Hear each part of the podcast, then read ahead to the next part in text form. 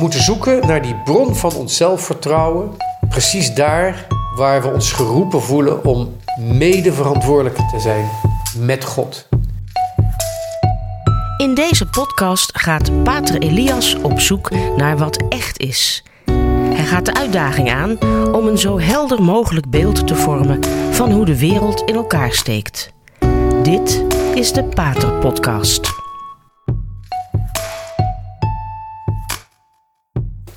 Wanneer ik een beetje helder om me heen kijk en niet alleen de media raadpleeg, maar ook de mensen met wie ik spreek, wat ze beleven, wat hun zorgen zijn, wat hun visie is op de wereld om ons heen, de wereld waar zij leven, de wereld waarin we samen leven, dan zie ik dat er een enorm gebrek is aan iets dat niets te maken heeft met geld of met eten, en zelfs niet met kennis. Er is geen gebrek aan water, geen gebrek aan brood, er is geen gebrek aan spelen, er is geen gebrek aan informatie. Er is eigenlijk maar aan één ding ontzettend gebrek op het ogenblik. En dat is vertrouwen. Vertrouwen, dat kostbare gegeven waar onze samenleving van aan elkaar hangt. Vertrouwen, dat is opgebouwd door de generaties die voor ons geleefd hebben, die vaak met inzet van eigen leven het wantrouwen hebben overwonnen. Wantrouwen van het heidendom. Want de heiden gelooft niet zozeer niet in God, maar hij vertrouwt de natuur niet. En vertrouwt eigenlijk ook de goden niet. De heiden is in een heel onzekere wereld.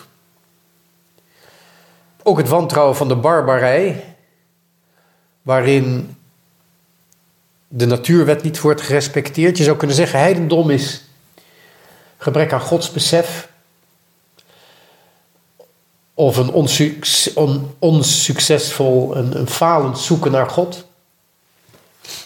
En aan de andere kant, de barbarij is niet zozeer het ontkennen of het niet vinden van God, maar het is het ontkennen van een natuurwet. Ook de barbarij, net als het heidendom, die brengen uiteindelijk een enorme, een enorm wantrouwen brengt het teweeg. En dat wantrouwen is door de eeuwen heen is dat overwonnen. Door mensen van goede wil, door mensen die geloofden in een goede God, door mensen die in waarheid wilden leven. Dat vertrouwen is opgebouwd door mensen die hun leven hebben geriskeerd omdat ze wisten dat hun dood in Christus niet een dood is, maar het opgaan naar een nieuw leven. Vanuit ons geloof, ons christelijk geloof, en vanuit de hoop dat Christus ons werkelijk nabij is en ons helpt met een onsterfelijke betekenis aan ons leven te geven. Vanuit die geloof, vanuit dat geloof en vanuit die hoop, is langzamerhand een vertrouwen ontstaan van de mensen onderling, die een vrije samenleving mogelijk maakt. Wij durven verantwoording publiek te nemen omdat wij vertrouwen hebben. Als we dat vertrouwen niet zouden hebben, zoals dat bijvoorbeeld in de Sovjet-Unie was en vlak na de val van de muur van Berlijn, in die chaos na de val van de Sovjet-Unie, als dat vertrouwen er niet is, dan willen de mensen wel verantwoordelijkheid nemen, maar alleen binnen een hele eigen gesloten kring. Van vrienden of van je, van je criminele bende of van je, je, gang, je straatbende. Maar echt verantwoordelijkheid, verantwoordelijkheid nemen in de samenleving als geheel op een publieke manier, dat kan alleen maar als er vertrouwen is.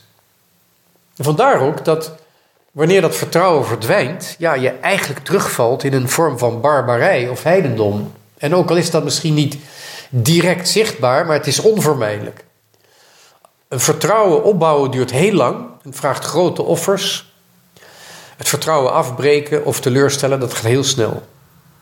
En je ziet nu ook, nu er zoveel gelogen wordt en verborgen is gehouden, in de politiek dat het vertrouwen van de mensen verdwijnt. En dat ze ook geen zin meer hebben om te stemmen überhaupt.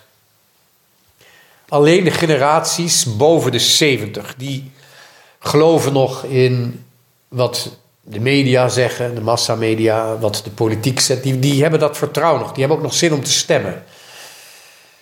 Maar je ziet gewoon dat bij de jongere generaties, en daar zit ik dan eigenlijk ook bij, is zo langzamerhand de, de lol van het stemmen is er wel af.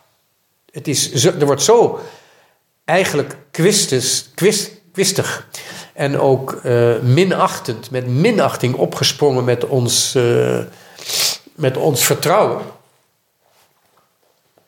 Dat je vraagt waar het heen gaat.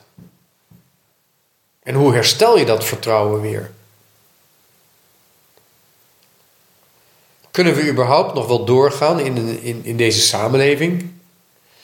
Wanneer we aan de ene kant zien dat mensen zo naïef in het vertrouwen zijn en aan de andere kant ook wel bang zijn en eigenlijk niks meer vertrouwen. Er is een enorm gebrek aan vertrouwen en dat vertrouwen moet hersteld worden. Vertrouwen in de politiek. En dat is aan de politici om dat weer terug te winnen. Maar er is ook in zekere zin een te grote naïef vertrouwen geweest in de wetenschap. En daartegenover staat ook die angst tegenover de wetenschap. Wat nu tijdens deze crisis van het Chinese virus naar boven komt, is in feite iets wat al, al langer uh, bezig is, wat al langer aan de hand is, aan de gang is. Aan de ene kant hebben mensen een, een onvoorstelbaar vertrouwen, zonder enige twijfel, in de moderne wetenschap. Dat, en in de sociale welvaart, de sociale welvaartsstaat. En dat heeft er, is erop uitgelopen, dat, dat heeft tot gevolg gehad dat een heleboel mensen denken dat ze het recht hebben om gezond te zijn. Als ik ongezond ben, uh, dan ligt dat niet aan mijn levensstijl. Nee, dat ligt aan het gebrek aan sociale voorzieningen. Of aan het falen van de wetenschap. Want de wetenschap moet volmaakt zijn en de sociale welvaartsstaat moet ook volmaakt zijn. Het is gek, aan de ene kant dat naïeve vertrouwen van de mens die dus vindt dat het leven zo moet zijn als hij wil. Het recht om gezond te zijn, het gerecht om comfortabel te leven. Terwijl het op zich helemaal geen rechten zijn. En aan de andere kant die angst tegenover wetenschap. Alle bijwerkingen, alle mogelijke risico's. En natuurlijk ook met ons digitale tijdperk de, de angst om volledig beheerst te worden door digitale paspoorten, vaccin, vaccinpaspoorten, ingebouwde chips en god mag weten wat. Het zijn allemaal dingen die mogelijk zijn. Het zijn ook allemaal dingen die serieus zijn besproken. Dat is geen complottheorie. We zijn er bang voor en ik denk terecht. Want Gaat de mens robotten maken of gaat de mens van zichzelf een robot maken? Überhaupt als je iets op het internet wil bestellen, of als je iets wil proberen te regelen op je telefoon, iets wil instellen, iets, iets geks wil opzoeken. Na een half uur internet heb je het gevoel van wie is hier eigenlijk de robot? Is dat mijn computer of ben ik dat zelf aan het worden? Het menselijke, normale contact is zo ver weggeraakt dat het bijna onmogelijk is om überhaupt nog vertrouwen te hebben in de medemens. En dus ook in de medemens die wetenschapper is, in de mens die politicus is, in de mens die journalist is. Het is steeds moeilijker geworden om mensen te vertrouwen, ook al zijn ze competent. En daar komt nog bij dat door het gebruik van de psychologie in de commerciële reclame en ook in, de, in andere vormen van propaganda, niet alleen commercieel, maar politieke propaganda ook, vertrouwen we niet alleen de medemens niet meer, maar we vertrouwen ook onszelf niet meer. En dat is een enorme crisis, omdat je aan de ene kant boven in de samenleving, dat wil zeggen qua leeftijd, dus alles wat boven de 70 is, zie je een ontstellende naïviteit. tegenover alles wat eigenlijk nog die solide samenleving was. En het uiterlijk misschien nog steeds is, maar het alleen in werkelijkheid al niet meer is. En naarmate je lager komt, hoe jonger je wordt, hoe groter de onzekerheid is en hoe groter het gebrek aan zelfvertrouwen. En dat is nou precies iets wat wij ons moeten afvragen.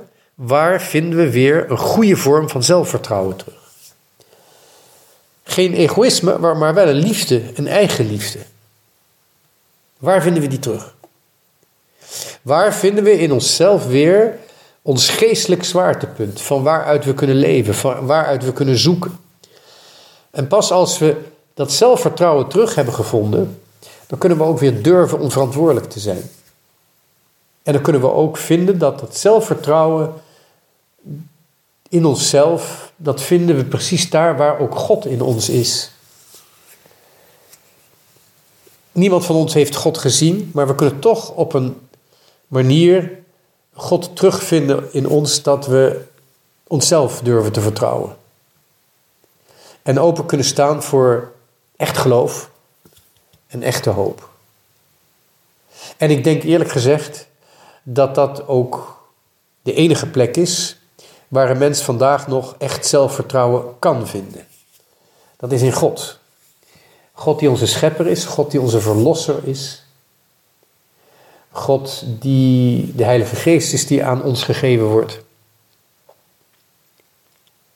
Het is alleen wanneer we beseffen dat God dat vertrouwen aan ons geeft en sterkt door de vergeving, door de verlossing, dan kunnen we ook het woord van God ontvangen en in vertrouwen beseffen dat wij antwoord mogen geven. Het unieke van het christelijk geloof is niet dat God alle problemen oplost, maar ze samen met ons wil oplossen.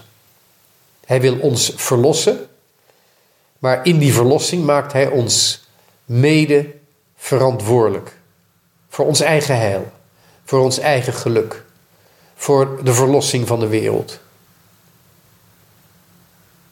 God wil zijn heerlijkheid met ons delen.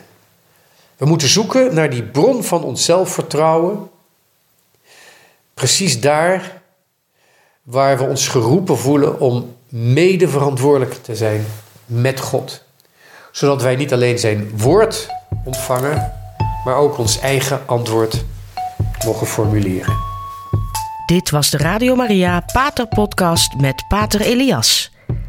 Deze podcast is online terug te luisteren via de website van Radio Maria en andere podcastplatforms.